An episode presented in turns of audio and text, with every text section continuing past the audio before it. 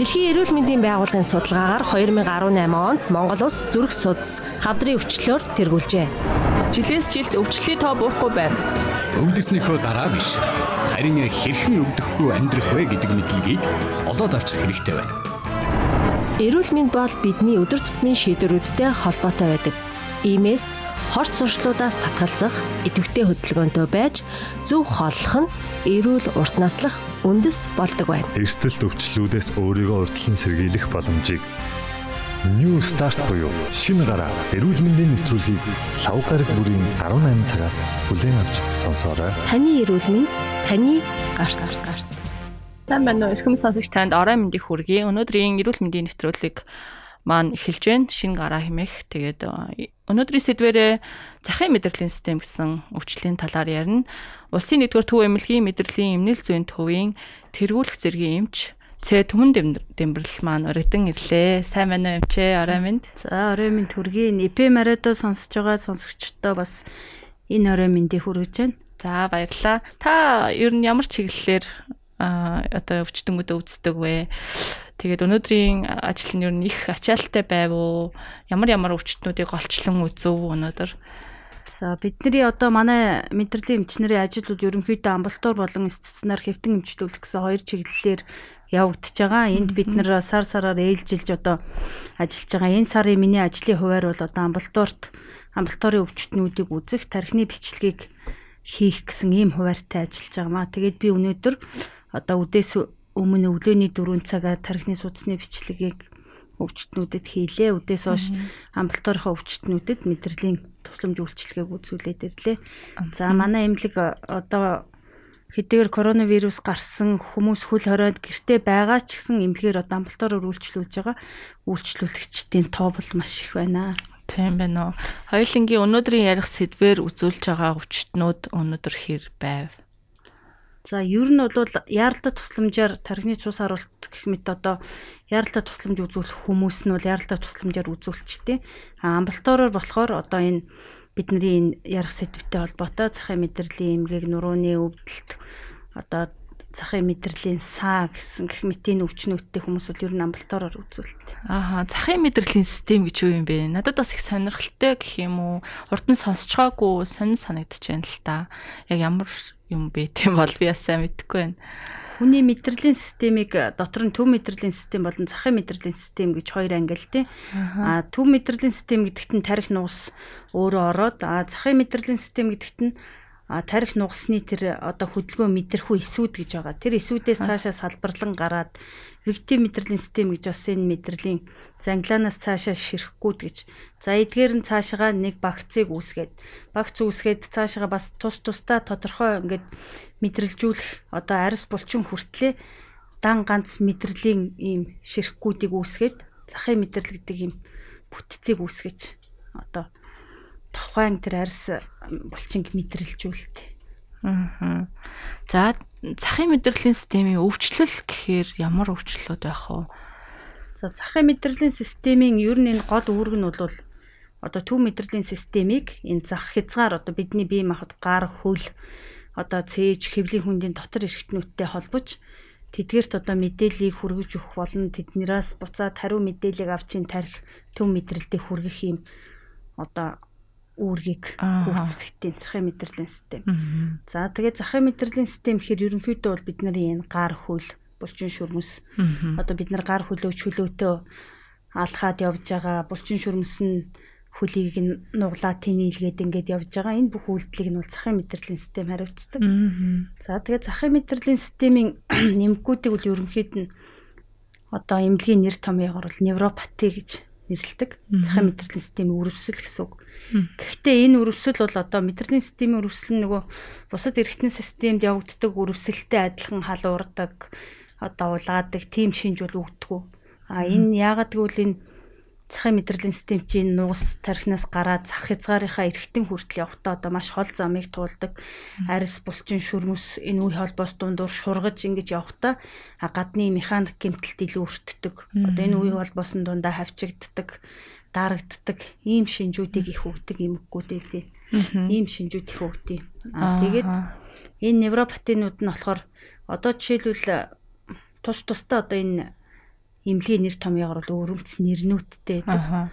Одоо жишээлбэл дан ганц одоо гар гаран дээр ихэд чи гарын хүний гарын сарвуунд ихэд богтны мэдрэл, шууны мэдрэл, гарын дунд мэдрэл гэж. Одоо чухам яг аль хэсгийг нь мэдрэлийг нь одоо хариуцж ийн гэдгээсээ хамаарат шууны мэдрэл, богтны мэдрэл, дундах мэдрэл, тохой мэдрэл, а тэгээ гуйны мэдрэл, тахил зүрийн мэдрэл, шаантны мэдрэл хэмтэн мононевропати гэдэг ийм ганц мэдрэлийн эмгүүдийг үүсгэнэ. А мөн энэ биений одоо хоёр талд тэгш хэмтэйгээр олон мэдрэлийн ширхэг зэрэг гэмтэх юм бол одоо поли гэдэг нь олон полиневропати гэдэг одоо олон мэдрэлийн гэмтлийн шинжийг өгнө. За энэ захын мэдрэл бас анатомийнхаа хувьд бол нугаснаас тэр зах хязгаарынхаа эргэтэн хүртэл салбарлан гарахтаа а эхлээд мэдрэлийн одоо тэр язор гэж бүтцийг үүсгдэг. Энэ язорынх нь гэмтлэг болоход артикулопати а манайхан бол артикулит гэж нэрлэх дуртай тэр энэ үгчин бол уг нь мэдрэлийн тэр язор гэмтсэн. Одоо нугастайгаа ойрхон хэсэг гэмтсэн гэсэн шинжээ. За тэгээ энэ мэдрэлийн ширхгүүд нь хоорондоо бас нийлээд юм мэдрэлийн багц сүлжээ үүсгдэг. Энийг бол плексопати а манайхан бас плексит болцсон гэ одоо мөр нөвцөн бүх хүн ер нь плексит гэдэг энэ хоёр нэр томьёог бол хүмүүс их мэддэг. Ааха. Ямар шинж төвөндөө илэрхтэй юм бэ? Энэ өвчл өвчнөр өвдсөн байх одоо үед. Захын мэдрэлийн өвчнүүд ер нь бол зочмог зочмогдоо архаг гэсэн ийм явцаар эмнэл зүүн явагддаг. А цочмог гэдэг нь бол хідэн өдрөөр эмнэл зүүн илэрхийг цочмог гэж нэрлэнэ. Цочмогдуу гэдэг нь хідэн 7 хоногоор эмнэл зүүн идэгрэх архаг гэдэг нь болохоор хідэн сараар одоо эмнэл зүүн шинж тэмдэг илэрхийг бол хэлдэг.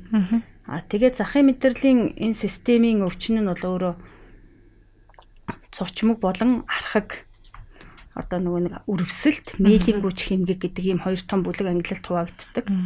А цочмог өрөвсөлт мэйлингүүч хэмгэг гэдэг нь а ер нь захын мэдрэлийн өвчний шалтгаанууд нь бол одоо одоо манад маш илбэг шалтгаан бол маш их тохиолдож байна. Нэгдүгээрт нь бол халдвар харшлын шалтгаантай. Энэ одоо энэ янз бүрийн вирусын халдварууд одоо бидний шинжилж чадах чадахгүй энэ олон төрлийн вирусын халдвараас болж захын мэдрэлийн системд их гэмтэл явагдаж байна. Халдвар хордлогын шалтгаантай. Энэ болохоор одоо их хор ялгаруулагч одоо энэ сахуу сахуу татран одоо бом гэх мэт энэ хортой хор ялгаруулдаг өвчнүүд л захын мэдрэлийн системийг ихээр гэмтээдэг. А мөн одоо энэ чихрийн шижүү өвчин, бөөрийн дутагдал өвчин, одоо сүрээ өвчин эдгээрийн үед бол энэ сүрээгийн эмийг удаан хугацаагаар хэрэгэлсэн хүмүүст бас их захын мэдрэлийн эмгэг үүсдэг. А мөн одоо архаг аригчдад бол маш их одоо захын мэдрэлийн эмгэг үүснэ. Хоол тэжээлийн одоо энэ хүнсний аюулгүй байдал, хоол тэжээлийн найрлага бүтэц алдагдсантай холбоотой, Б1 витамины дутагдaltaй холбоотой. Аа бас захын мэдрэлийн эмгэг гэхээр үүсэж байгаа. За тэгээд эмнэл зүүн цочмог архаг хэлбэр гэж байдаг. Сүүлийн үед бол энэ цочмог хэлбэр халдвар харшлын шалтгаантай одоо эмнэлгийн хэллэгээр бол гиен барын хам шинж гэдэг энэ өксөх давшингүй явцтай хурцсан. Одоо эхлээд эхний өдрөө бол хоёр хүл мдээгүй болж ирсэн нь. Маш хурдан явцтай. Дээшээгээ бүслэхий хүрээд тэгээд цээж хүрээд одоо дөрөв мөч мэдээг болоод маш түргэн амьсгалын дутагдлаад орж хүндэрдэг. Энэ бол маш цочмог явцтай хүмүүс одоо эрчим тэмчилгээний тасагт амьсгалын дутагдлаар орж эмчлэгддэг. Ийм одоо өвчин бол бас сүүлийн үед их одоо илэрч байгаа. А архаг өрөвсөлт полиардикуло невропати гэдэг нь болохоор энэ эмнэл зүйн шинж тэмдэг нь бол 2 сараас дээш хугацаагаар үргэлжилдэг. Гэхдээ хүмүүс энийгээ нөгөө нэг бас одоо өвчин эхэлсэн гэдгийг мэдтгүү ингээд аажим алгуурхан явагдаад одоо шинж тэмдэг гүнзгийрч ирэхээр бол имлэгтэрч үзүүлдэг. За тэгээд юуны а нүүрний мэдрэлийн саа, нүүрний мэдрэлийн өвдөлт одоо манайхан дэлбэг тохиолддог. Эднэр бол захын мэдрэлийн эмгэгийн бол гол жишээнүүд байгаа.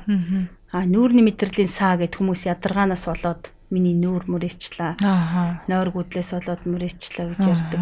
А энэ нүүрний мэдрэлийн саа гэдэг нь болохоор одоо нүүрний нэг талын булчингийн суларлаас үүсдэг. Захын мэдрэлийн системийн нэг өвчлөл юм байна шүү дээ. Одоо гол элбэг тохиолддог өвчин бол нүүрний мэдрэлийн саа байна. За хүмүүс энийг одоо нүүр мөрөөчдөг, нүд нь анигдахаа болждог, нулимс гоожоод одоо ер нь бас гинтл эхлэн. А энийг бол хүмүүс одоо харвчлаа гэж их айдаг. Одоо харвалтын одоо харвалтаас энэ өвчнийг ялгах юм бол харвалтын таних бусад шинж тэмдгүүдээс ялгаж үзэх хэрэгтэй. За тэгээ энэ өвчнийг үүсгдэг шалтгаан нь бол манай витамины дутагдaltaа тэр ядаргаанаас үүсдэг гэдэг нь бол хавар намрын улиралд удирдал солигдохтой холбоотой бол хүмүүсийн дархлын систем өөрчлөгддөг. Тоол хүнстэй холбоотой витамины дутагдлаас үүсдэг. Бусад бас энэ эргэтэн системийн эмгэгтэй чихрийн шижинтэй, бөөрийн дутагдaltaй, даралт ихтэй хүмүүст бол аа мөн бас энэ чихний хагалгаанд орсон хүмүүс одоо чих эрүүн нүрийн эмгэгтэй хүмүүст бол нүүрний нэгдлийн булчингийн сулрал одоо нүүрний мэдрэлийн саа их үүсдэг.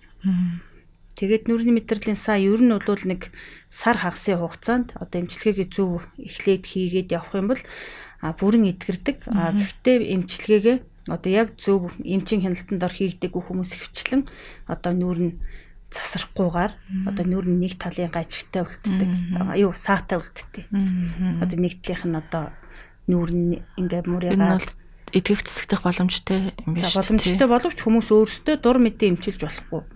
А дур мэдэж өөрсдөө дураараа эмчлэх юм бол ингээд үлдэц нүүрний одоо гоо сайхны алдагдaltaй үлдэх боломжтой юм гээд байгаа юм. Энэ энэ өвчний өөр үр дагаврууд нь юу гэдэг юм бол одоо ингээд нүүр мөрөд дэлхий үлдэхээс гадна өөр бас тийм үр дагавар байдаг. Нөгөө нүүрний булчингийн нэг тал нь булчин нүүрний нэг талын булчин агшгаа болчдөг болохоор энэ нөгөө нүдний талаас бас нүд анигдахгүй. Одоо зөөх унтахаар ингээд нүд нь хараатаага унтдаг. Олон жил ингээд явхаар нар салхинд нүдний салст гимтээд а тэгэд нүдний салстын өрөвсөлтөй болж баг энэ нүдний бас эвэрлэг бүрхөвч солихтой тулах тийм хүндрэл бас үүсэж болно а нүүр одоо тэр чигээрээ насан турштай мөрийн үлдэн а байнгын нүүрний таталтаантай хүмүүс байдаг штэ одоо нэг тал нь байнгын татуулзаад ингээд явж тийм спазм гэж нэрлэдэг тийм үлдцүүд үлдэж болох бас тийм. Уг өвчлөлийг яаж эмчилдэг юм бэ? Эмчилгээ нь юу байдаг вэ? За мэдрэлийн энэ захын мэдрэлийн эмггүүдийн гол эмчилгээ нь бол одоо энэ мэдрэлүүд чинь нэг мэдрэлийн эсгэд байгаа шүү дээ. Мэдрэлийн эс нь их бий байгаа. Их биесээ салаалаад гарч байгаа тийм урт мэдрэлийн ширхэг байдیں۔ Гол нь бол одоо сүүлийн үеийн одоо онл юугаар бол тэр мэдрэлийн эсийн одоо ийм бүрхүүлүүд нь энэ бүрхүүлд нь одоо уруул явагдсантай холбоотой, өрөвсөл явагдсантай холбоотой гэмтдэг. Тэгээд энэ захын манай энэ мэдрэлийн системүүдийн одоо гол эмчилгээ нь бол одоо гормон эмчилгээг өвчнийхөө эрт үед хурдан түргэн эхлэх юм бол сэргэлт түрг явагдана. Гормон эмчилгээ. За дараагийнх нь хоёр дахь гол эмчилгээ нь бол сэргийн цэцэг нөхөн сэргийх одоо физик эмчилгээ, зөв эмчилгээтэй эмчийнхаа зааврын эмч гормон эмчилгээгээ эхэллээ. Одоо сэргэлт хэдэн хоног дээр явагдах нь гэдгээсээ хамаарат зөв дараагийнхаа шатны эмчилгээнд оруулах. Гормон эмчилгээ гэдэг нь эм тарианы эмчилгээ юу? Гормон эмчилгээ гэдэг нь болохоор одоо энэ манад хвчлэн хийдэг нь хүнийхээ одоо биеийн онцлог одоо нас хүүс өндөр жингээс хамаарат хийдэг перднизлон, дексаметазон гэдэг гормон эмчилгээнүүд тэр мэдрэлэх сэргийх эмчилгээнүүд хийдэг. За сонсогч та э, энэ сэдвийн хүрээнд асуух асуулт байвал химнэл радио 91.7 Facebook-ээр лайв явж байгаа. Тэгэд түүний доор комент хэсгээр асуух боломжтой шүү. За өргөжлүүлэн энэ өвчин удамшдгүү ээжээс хүүхдэд ааваас хүүхд ч юм аа. Удамшлын одоо полинeuropati гэдэг өвчин байна. Энэ одоо тухайн одоо энэ захын мэдрэлийн одоо нөгөө тэр мээлийн бүрхүүл гэд би түрүүн мэдрэлийн ширхгийн бүрхүүлийн нь болохоор нөгөө удмын мэдээлэлд нь өөрчлөлт орсонтой холбоотой удамшдаг. Одоо манай дэлбэг тохиолддог энэ удмын полинeuropatинууд нь бол одоо шаркомарын туут гэдэг нэртэй хөлийн ингээд булчин хоёр хөлийн яваад шилбэний булчин хатаад одоо энэ нэг эмнэлгийн хэллэгээр бол ингээд урууга харсан хөмөрсөн лонх шиг одоо доотлын хэсэг нь бүр нарийсаад дээшээ арай бүдүүн бахна шүү дээ. Энэ энэ бол одоо нэг өрх бүл айл дунд элбэг тохиолддог. Манай оронд маш их элбэг байдаг ийм өрх бүлийн хөшүүн саа гэдэг нэртэй ийм одоо захын мэдрэлийн эмгэх бас удамшил байна. Аа өвчнөөс ер нь яаж урьдчилан сэргийлдэг юм бол за сүүлийн жилүүдэд бол одоо манад янз бүрийн нэр төрлийн вирусын шалтгаантай, халдварын шалтгаантай өвчнүүд их гарах боллоо, сүрээ өвчин их гарах боллоо. Сүрээгийн им удаан хугацаагаар уусан хүмүүст бол цахим мэдрэлийн эмгэг их үүсдэг боллоо.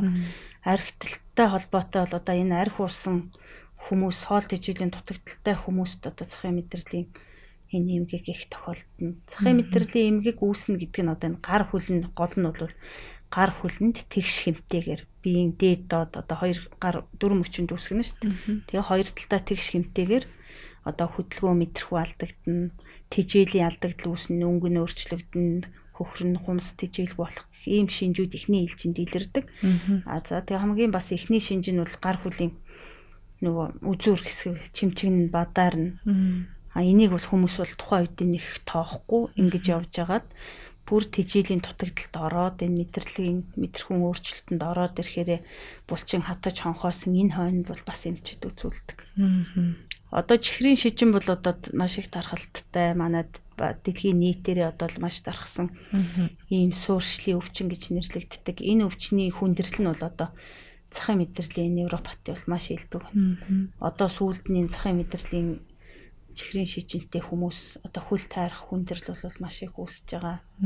Ийм учраас бие даасан бүр одоо нөгөө нэг анхдагч энэ цахим мэдрэлийн өвчнөөсөө илүү бусад одоо хоёр дахь чихртэн системийн өвчнөөс шалтгаалсан цахим мэдрэлийн өвчнөөс бол хүн өөрсдийгөө урьдчилан сэргийлэх бол бүрэн боломжтой. Хүн болгон эрүүл мэндийн анхан шатны боловсралтай байх ёстой. Хоол тэжээлийн одоо зөв зохистой хэрэглээтэй байх ёстой. Арх одоо бактери вирус танид томоноос бас өөрсдөө сэргийлж явах хэрэгтэй. Тамхи бас орох уу? Тамхи орно. Би уншиж хаад бас тамхи нөлөөлдөг гэд байжсан. Аа, ерөнхийдөө тэгэл хор зуршлууд, хордлого өгөх зүйлсүүд нөлөөлт юм ба шүү дээ, тий. Монголд ер нь энэ өвчин хэр тархалттай байд юм бэ? За, бүр нийтдээ одоо захын мэдрэлийн өвчний тархалт гэсэн одоо гэхээсээ илүүгээр одоо нүүрний мэдрэлийн саагийн тархалт, чихрийн шижингийн өвчний цахим мэдрэлийн тархалт гэсэн энэ тус тусад нь одоо хийсэн судалгаанууд байдیں۔ Хамгийн их тархалттай өвчнүүд юу?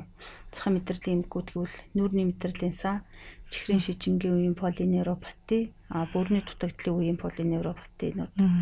Одоо хүмүүс бас маш бүрний дутагдaltaй болсон шүү дээ. Бүр шилжүүлэн суулгах хөвчтний тоо бол маш ихсэн. Энэтэй холбоотой цохын мэдрэлийн эмгүүд бас маш их ихсэн. Аа. Түрүүтэй хэлсэн шүү дээ нөө суурьшлын өвчин гэдэг чихрийн шижинг.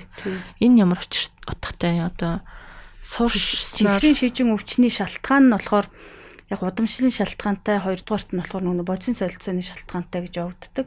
Одоо бидний суурин амьдралтай холбоотой хөдөлгөөний хомсдол одоо тэгээд хоол тэжээлийн зохисгүй хэрэглээтэй холбоотой. Бид нар чи одоо хөдөл ямар ч хөдөлгөөнгүй суурин суугаа амьдралтай хэрнээ одоо бидний идж байгаа хоол хүнс чинь одоо нөгөө нэг дээр үеих шигэ нөгөө нэг маш их энерги зарцуулдаг байсан үеийнхтэйгээ адилхан хоолны бүтц явагдаад байгаа болохоор одоо ингээд чихрийн цусан дахь чихрийн хэмжээ ихсээд сахарын хэмжээ ихсээд Тэрийг нь болохоор зохицуулдаг, инсулины хэмжээ багасдаг. Иннээс болоод одоо чихрийн шижүү өвчин бол маш их үүсэж байгаа. Хоёрдугаарт нь чихрийн шижүү өвчин бол маш их удамшдаг.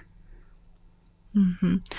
Чихрийн шижингээс өөрийгөө урьдчилан сэргийлэх юм бол захын мэдрэлийн одоо энэ өвчлөөс ч урьдчилан сэргийлэх дарахдаг.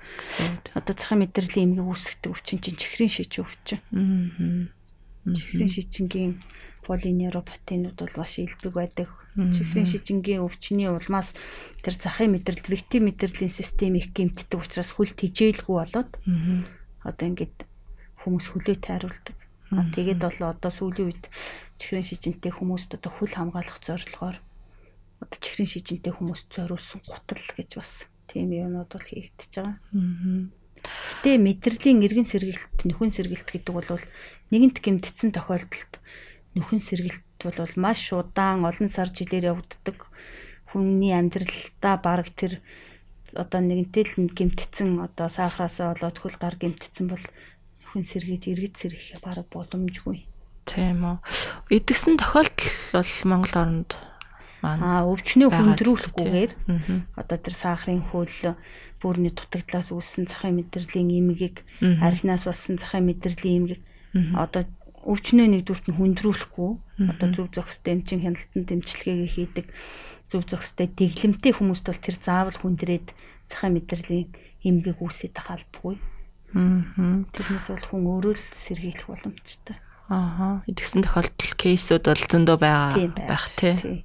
Одоо дөнгөж өвчнөөхөө шин тэмдэг эхэлж байхад амбулаторт одоо ирээд зах гар хөл бадаараа дайн нүүр ирвнээ дайн миний нүүр мөрөөчих үедээ би энээс яаж сэргийлэх вэ хавар намар болохоор одоо мэдрэлийн ямар витамин уух вэ гэсэн хүмүүс энэ хүмүүсүүд бол одоо мэдрэлийнхаа эмгэг үүсгэхээс өмнө сэргийлээ дэмжлэгдэж Ааха. За асуулт ирсэн байна. Өндөр сахартай хяналтанд байдаг. Тэгээ нуруу нь маш их өвд- өвдөд өвдөж байна. Яах ёстой вэ? За одоо сахартай хүмүүсийн нэг юу ч юм бол одоо захын мэдрэлч бай, ер нь эргэтэн систем бүх эргэтэн систем л одоо нүүрс ус сахараар дэжигдэж байгаа шүү дээ. Гэтэл энэ бодисын солилцооны эмгэг өөрчлөлт орсчдөг учраас энд нөгөө хэвийн сахарын хэмжээ алдагдаад одоо энэ нэг эмгэг сахарууд ихэр хөрөмтлөгддөг. Хүний энэ мөгөөрс одоо хоёр нуруунд хооронд жиргэвч мөгөөрсэдэг. Энэ бас ингээд бодисын солилцоонд бол одоо нэг нэг сайн сахар хэрэгтэй. Гэтэл одоо чихрийн шижээ өвчтөй болцсон хүмүүс чинь энэ хэвийн сахаргүй болчиход одоо нэг эмгэг сахар ихээр хөрөмтлөгддөг байхгүй юу? Нэг нэгдүгürt бас тэрнтэй холбоотой. Хоёрдугаарт нь бидний яриад байгаа бас энэ нуугснаас нуруунаас гарч ирж байгаа энэ мэдрэлийн ширхгүүдийн гэмтэлтэй холбоотой захын мэдрэлийн эмгэх энэ нуруу өвдөд байна гэдэг чинь. Аа. Тийм болохоор одоо нурууныхаа нуруу бол маш олон шалтгаан байгаа шүү дээ. Механик шалтгаан болон мэдрэлийн шалтгаан гэд. А тэр механик шалтгаануудад нь нурууны булчингийн эмгэг байна уу, цөүлийн эдийн эмгэг байна уу, эсвэл нурууны энэ үе холбоос хатуурж уу гэдэг. А нэг бол одоо энэ захын мэдрэлийн гэмтэл байна уу гэдгийг нарийн шинжилгээ хийж тодруулах боломжтой. Аа. За шинжилгээ хийлгүүлж хийлгүүлэх ёстой юм техникчэнд. Аа. Тэгээд яг юу юунаас үүдэлтэй байна? Захын мэдрэлийн өвчнийг онцлоход одоо бол маш төвөгтэй бас. Аа. Ер нь одоо гарч ирж байгаа эмнэл зүүн одоо шалтгаан нь олон янз байгаа боловч бас нөгөө нэг эмнэл зүйд илэрч байгаа илэрлийг нь болохоор нөгөө эмч одоо нарийн мэрэгчлийн эмч одоо тухайн өвчтөнтэйгөө сайн тулж ийж одоо тийм энэ хүнтэйгээ сайн одоо ойр дотн байж ээж одоо хэдэн жил ямар өвчнөр яаж өвдсөн тэр мэдээлэлтэй байж ээж нэгдүгээрт нь эмчийн ур чадвараар онцлогдно. А хоёрдугаарт нь одоо эмч өөрөө энэ хүн ийм эмгээс болоод цахим мэдрэлийн өвчтэй болжээ гэдгээ одоо тэр хүн тогтоосныхаа дараа бусад шинжилгээнүүдэд төлөвлөдөг. За тэгээд одоо ч мэдээ чихрийн шижингээс болжээ гэж үзвэл цусны дах сахар сайн муу сахарнуудыг үзэх хэрэгтэй. А өөр бөөрийн дутагдлаас болжээ гэж үзчихвэл бөөрийн дутагдлыг үзүүлэлтээ цуснаа үзнэ. А дараа нь оншилдог нэг гол шинж бол захын мэдрэлийн одоо мэдрэл булчингийн шинжилгээ гэж энэ цахилгаан шинжилгээ хийд. Энэ шинжилгээгээр булчин нь хаана гэмтчүү одоо тэгээд энэ нүг мэдрэлийн сэрэл дамжилт явагдаж ийн үгүй юу гэдгийг үздэг. За энэ хүмүүс маань болохоор шинжилгээ хийлгсэн юм шиг байна. Нурууны L1, L12 үе суулттай, хагалгааны заалттай. Тэгэд эмчилгээ буюу пиц хэмжлэгээ хийлгээд ч өвдөлт нь буурахгүй байна гэсэн байна. За пиц хэмчлэгээ хийгээд өвдөлт буурахгүй одоо энэ өвдөлт нь ойр ойрхон богино хугацаанд дахиад одоо нэг пиц хэмчлэгийн хэсэг намж ичтэй Мгм. зарим хүнийх тэгэл буцаал ойр ойрхон өвдөд дахин дахин сэдрээд байгаа бол одоо дараагийн шатлын эмчилгээ нь одоо мис заслын эмчилгээ л хийн тэр. Гараад ирсэн жир гівчийг нь одоо чөлөөлөх юу мэдэрлийг нь дараад байгаа жир гівчийг чөлөөлөх мис заслын эмчилгээ хийх тэр л заалттай. Аа, түрүү нэрээ ярьжсэн нөгөө нурууны а, сэдв дээр ингээд юун диск ингээ гарч мэдэрлүүдэд Мм. дарчдаг гэх тээ. Суулт өгснөөсөө болоод суулт өгөө тэгээ мэдрэл нь энэ мэдрэл гэж тэр одоо нурууны голоор явдаг нуус байгаа шүү дээ. Тэр нууснаас салбарлан гарч байгаа олон мэдрэлийг одоо чухам хаан дарснаас хамаарат өөр тухайн хүнтэй зовөр бол янз бүр илэрдэг. Мгм. А энэ захын мэдрэлийн эмгэг дээр бас нэг нэлээд илбэг тохиолддог нь бас хүмүүсийн ажил мэргэжлийн онцлогтой холбоотой, зан үйлийн онцлогтой холбоотой бас эмгэг тохиолддог юм дан ганц мэдрэлийн эмгэгүүд эдээ. Одоо жишээлбэл энэ механик, гарын бугуйгаар их ажилтдаг хүмүүст энэ бугуйн сувгийн хам шинж гэж энэ бугуйн дотор одоо энэ мэдрэл дарагддаг. Мэдрэлийн нэг гол бас эмнэлцүүд илэрдэг шинж нь өвдөлт өгдөг. Мэдрэлийн өвдөлт бол одоо маш хүчтэй. одоо төөнж байгаа юм шиг, цоригж байгаа юм шиг бусад өвдөлт эртний системийн өвдөлтөөс бол мэдрэлийн өвдөлт бол маш ялгаатай шүү дээ. Одоо хүмүүс энэ бугын сувгийн хам шинж гэд нэрлэдэг энэ бугыны дотор талаар явж байгаа энэ юунд холбоосон доогуур энэ гарын дунд мэдрэл гэж явдیں۔ Тэр мэдрэл дарагдчихдаг. Тэгээд маш хүчтэй өвддөг. А энэ тохоогоор нэвтэрч өнгөрөхдөө тохоо мэдрэл бас энэ тохооны хонхор дотор дарагдчихдаг. Энэ ширээн дээр одоо их тохоолдож суудаг ягтлан бодогч модогч одоо энэ офис ажилтай хүмүүст тохоо мэдрэлийн хам шинж гэж бас ихээр үүсдэг.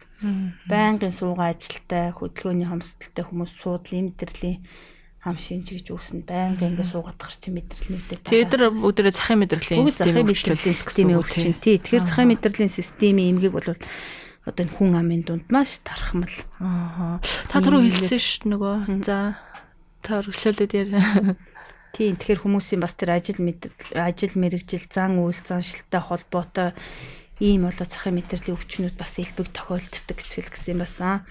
Бас нөгөө нүүрний мэдрэлийн гурван мэдрэлийн өвдөлт гэж манайхан дунд бол одоо маш их тархмал эмгэг байдаг. Одоо нүүрний аль нэг талд одоо энэ хацар нэг бол энэ нүдний дээр а ирүүнд одоо маш хүчтэй цоргих, төөнөх мэт ингээд өвдөлтийг өгдөг хүн бол ерөөсөө байж тэсхий аргагүй. А энэ бол одоо шүд угаах, нүрээ салхинд нүрээ ил гаргаад явах, одоо нүрээ будах энэ болгонд сэтэрч өвдөж идэг. Тэгээд энэ нүүрний мэдрэлийн гурван мэдрэл гэж бол одоо гавл тархины 5 дугаар хос мэдрэлгээд маш том ийм урт мэдрэл байдаг. Энэ мэдрэлийн одоо бас энэ мэдрэлийг дамжуулдаг ширхгийнх нь бас тэр мээлийн бүрхүүл гэдэг энэ бүрхөвчийн бас өрөвсөл явагдсантай холбоотой үүсдэг. Манайхан дунд бол эмэгтэйчүүдэд бол маш их хэлбэг байдаг. Тэгээд өөр бас анхдагч хоёрдагч шалтгаан гэж байдیں۔ А тэр анхдагч шалтгаан гэдэг нь бол бас яг тодорхой одоо шалтгаан байхгүй. А хоёрдагч шалтгаан гэдэгт нь болохоор юу тэр нөгөө нэг гурван мэдрэлийг ингээд артер вений том судснууд бас даардаг. Одоо хавдар байна, судасны цүлхэн гэж байна. А энэ нүүрний нөгөө мэдрэл гардаг тэр ясан дундаа 3 мэдрэл авчигдчихдаг. Одоо манайхны эмэгтэйчүүд дунд бол маш их зовлонтой, хэцүү одоо байнгын одоо энэ унал таталт эсрэг юм гэдгийг насан туршдаа уудаг. Ийм одоо цахим мэдрэлийн бас нэг тархмал өвчин байдаг. Яг эмэгтэйчүүдэд маань илүү төлхөө Ер нь судалгаагаар одоо энэ өвчний бас шалтгаан нь яг таг тийм шалтгаантай анхдагч өрөвсөл гэж шалтгаан тодорхойгүй хэрнээ бас одоо нөгөө эмэгтэйчүүдэд л хэлбэг тохиолддог гэсэн чи яг одоо яагаад эмэгтэйчүүд тохиолддог байгаа юм бэ гэдгийг бас нарийн тогтоож чадаагүй. Аа. Тий. Ер нь бол дэлхийн нийтэд манайд ч бай дэлхийн нийт бай энэ өвчний гол тархалт нь бол эмгтээчүүд илүү. За дахин нэг асуулт ирсэн байна. Хөлийн улаар чимэрч байгаа юм шиг их өвддгөө. Яах ёстой вэ гэсэн байна. За хөлийн уул гэдэг чи одоо жинхэнэ нөгөө захын мэдрэлийн бид нарын нөгөө хөлийн уулны одоо тэр арсыг мэдрэлжүүлж байгаа тэр гэсэн. Тэгээд хөлийн уулны тэр чимчгэндэг халуун өргөдөг гэдэг чинь бас тухайн хүнийхээ бас нөгөө настай холбоотой, архаг хууч өвчнөтэй холбоотой одоо энэ цэвэрлэлтийн насны эмэгтэйчүүд одоо гормоны өөрчлөлттэй холбоотой бол гарын алга, хөлийн уул чимчгэнж халуур гэж бадарч өвддөг. А мөн одоо түрүүний хэлсэн эргэтэн системийн эмгэгтэй хүмүүст өвддөг. А зүгээр одоо нөгөө нэг ямар ч архаг хууч өвчин байхгүй эрүүл хүмүүст болохоор одоо бидний нөгөө нэг байнгын суугаа ажилтай холбоотой хөлийн уул нөгөө ямар гутал өмсдөгтэй бас холбоотойгоор энэ мэдрэл дарагдчихэд. Хүний хөлийн уул чи юм нумтай ах хэвээр. Гэтэл одоо сүүлийн үед ерөөсөө ихэнх хүмүүсийн нөгөө өсгийгүү гутал өмсөд хөлийн тавхааны хэлбэр алдагдаад хавтгай тавхаатай. Хавтгай тавхаатай. Энэ хавтгай тавхаатай болсонтой холбоотойгоор энэ хөлийн тавхаагаар явж байгаа мэдрэлнүүд бол энэ жижиг яс шүрмэс тунд маш их дарагддаг болсон. Хөл өвдөж байгаа гэсэн хүндий байж байгаа тийм чөлөөтэй байх хэрэгтэй юм байна шүү дээ тий. Тэгээд одоо бас энэ гутал сонгохтой хүмүүс чинь тэр хүндийтэй одоо нэг зарим гутлан дээр байдаг шүү дээ. Одоо ийм хөлийн нумтай ийм одоо энэ нуманд таарсан гутал юм аа гэд. Аа. Тийм нумгүй гутлнууд бүр нөгөө нэг хавтгай тэгшин ултай гутал өмсөх нь бол бас хөлийн тавхаанд одоо их ортой. Захын мэдрэлийг чи хавчин дарна. Хөлийн нум гэдэг юм чин байж ээж энэ мэдрэл чинь өөрөө ингээд чөлөөтэй өөргөө гүйцэтгэж явж байгаа байхгүй юу? Түрүү та хэлсэн шүү дээ маш их хүчтэй өвддөг гэд. Тийм захын одоо энэ мэдрэлийн өвдөлт гэдэг өвдөлт ч юм бол бусад эргэтэн системийн одоо энэ зүрхний өвдөлт одоо бусад энэ өвдөлтнүүдээс бол маш их ялгаатай өөрийн гэсэн онцлогтой байдیں۔ Мэдрэлийн өвдөлт гэд. Энэ одоо хүний мэдрэхүү гэдэг ямиг энэ гадаад орчноос одоо бид нар гар хүлээ энэ тэнд хүргээд халуун байна уу, хүүтэн байна уу гэдгийг одоо энэ мэдрэхүүгээрээ хүлээж аваад тархи руу дамжуулдаг. Яг энэ одоо ширхэг гэмтдэг баггүй. Ийм учраас маш хүчтэй өвдөлтийг энэ төв мэдрэлийн системд үүсгдэг. Аа. Энэ нь гэхдээ анх өвч бий болж байгаа үеийн шинж тэмдэг юм уу хүндэрсэн үеийнх нь юм уу? Ерөөсөө анхнаасаа мэдрэлийн өвдөлт гэхэд бас юм бол ер нь л баг маш хүчтэй өвддөг. Одоо энэ могоо яр гэдээ бас захын мэдрэлийн өвчин шүү дээ. Энэ могоо яр өвчний үед бол маш хүчтэй өвддөг анх илэрхээсээ л илэрхээсээ л ерөөсөө тийм маш хүчтэй мэдрэлийн өвдөлт аа тийм учраас энэ мэдрэлийн өвдөлтийн эмчилгээ чинь бол одоо энэ өөрийнхөө л энэ мэдрэлийн өвдөлт дарах эмэндээ л намтна. Тэрнээс биш өрөвслийн эсрэг одоо гормоны болон гормоны бус гаралтай өвдөлт намдаах энэ эмэнд намдахгүй зөвхөн одоо мэдрэлийн өвдөлт намдаах түрүүний тэрхэл суунал таталтын эсрэг ийм энэ эмнүүдэд л өвдөлт намддаг. За түрүүний нөгөө ийм нумтай гутлан өмсөх хэрэгтэй гэсэнтэй холбогдуулаад нэг асуулт ирсэн байна. Бойтог гутал эрүүл мэндэд муу юм уу? Бойтог гутал муу. Аа. Төрөний би хэлсэн шүү дээ. Бойтог гутлын чи уул нь бүр твтгшгэн бол байгаа шүү дээ. Тэр чинь хүний одоо зарим нэг э, энэ гутлын үйлдвэрүүд болохоор одоо хүний эрүүл мэндэд сайн гутлнууд одоо амьсгалдаг, нуумтай, уултай гэдэг юм бойтог гутал хэрвээ бойтог гутлын уул ингээд ямар ч нумгүй тэгшгэн ч гэсэн одоо доод бол дотроо хүний хөл тохирсон нумтай ах юм бол тэр бол хоргүй тий.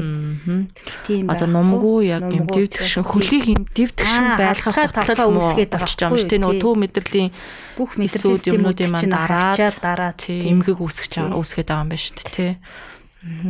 За. За тэгээд бид хоёрын ярилцлагын цаг дуусч байна ерөнхийдөө. Танд бас сонсогчдоо зориулаад нэмж хэлэх зүйлс юу байна? За ийм одоо сонсогчдынхоо эрүүл мэндэд зориулаад ийм тусгай нэвтрүүлэг хийдэг энэ химнэл FM радиогийнхаа хамт олон та нарт ажлын амжилт хүсье. Тэгээд энэ FM-ийн одоо энэ цагт явагдаж байгаа эрүүл мэндийн энэ боловсрол олгох энэ нэвтрүүлгийг сонсоод лайваар оролцоод асуулт асууж байгаа одоо эрхэм сонсогчдоо бас одоо их баярлалаа. Одоо энэ энэ сонсогчд бол одоо өөрийнхөө эрүүл мэндэд анхаардаг хүмүүс байна. А тэгээ ер нь бол хүн эрүүл мэндийн анхан шатны боловсралтай байх ёстой. Анхан шатны шүү дээ. Тий. Тэгээд урьдчилан сэргийлээд тэргээд урьдчилан сэргийлж эрхээс нь хамгаалаад шүү дээ. Имлэгт эмчит очихоос өмнө одоо хүн өөрийн гэсэн эрүүл мэндийн одоо мэдээллийн хэрэгслүүдээр маш их одоо эрүүл мэндийн талаар сургалт сурчилгаа тэр энэ олон их мэдээллээс дундаас өөрөө тэрийг бас ялгаж авах тийм боловсралтай авах ёстой гэдгийг би зөвлөе. За танд өвдсөн хойноо биш. Өвдөхөөсөө сэргийлж байгаарай. Өвдсөн хойноо бол өвдөн гэдэг маш хэцүү, эмнэлэгт очих бол маш хэцүү гэдгийг ганцхан өөрөө ч зоохгүй орчин тойрон гэр бүл нийгэм тий энд нь бол асар их хор хохиролтой шүү дээ. Эрүүл мэнд хамгийн гол нь л хүн эрүүл байх хэрэгтэй шүү. Тийм учраас одоо энэ эрүүл мэндийн өрсөлдөн сэргийлэх нэвтрүүлэг хийж байгаа танаа ариудад бол маш их би хувийнхаа зүгээс баярлалаа. Тэг таны ч гэсэн бас цаг заваа зориулан одоо цаг заваа гаргаж бидэнд ийм сайхан мэдээллийг өгч аваад баярлалаа. Тэгээ сонсогч маань сонсогч маань бас энийг ч гэсэндээ тунгаан бодоод энэ хөө өвчнөөс өөрийгөө урьдчилан сэргийлэх тал дээр арга хэмжээ авах байхаа гэж бодож байна. Тэгээ хүмүүс маань ер нь эрүүл мэндэд аягүй анхаардаг болж үед бахархуу штэ залуучууд маань тэг ялангуяа Тэгээ ер нь өвчнийг өвчснийхаа дараа биш урьдчилан сэргийлэх нь бол хамаагүй ач холбогдолтой байгаа. Тэгээд энэ чүүднээс бидний нэвтрүүлгийн зорилго бас энд оршиж байгаа. Энэ чүүднээс энэ нэвтрүүлгээ явуулж байгаа. Тэгээд энэ түрээд манай шинэ гараа эрүүл мэндийн нэвтрүүлэг маань өндөрлж байна. Анхааран сонссон сонсогч танд баярлалаа. Оройг сайхан өнгөрүүлээрэ. Дараагийн нэвтрүүлэг хүртэл түр баяртай. Дэлхийн эрүүл мэндийн байгууллагын судалгаагаар 2018 онд Монгол улс зүрх судас хавдрын өвчлөөр тэргүүлжээ. Жилээс жилд өвчлөлийн тоо буурахгүй байна. Өвдөснийхөө дараа биш. Харин хэрхэн өвдөхгүй амьдрах вэ гэдэг мэдлэгийг олоод авчих хэрэгтэй байна. Эрүүл мэнд бол бидний өдөр тутмын шийдвэрүүдтэй холбоотой байдаг. Иймээс хорт сурчлуудаас татгалзах идэвхтэй хөдөлгөөнтэй байж зөв хооллох нь эрүүл урт наслах үндэс болдог байна. Эрсдэл төвчлүүдээс өөрийгөө урьдчилан сэргийлэх боломжийг New Start буюу шинэ гараа эрүүл мэндийн нэвтрүүлгийг лав гараг бүрийн 18 цагаас бүлээн авч сонсоорой. Таны эрүүл мэнд таны гарт гарт гарт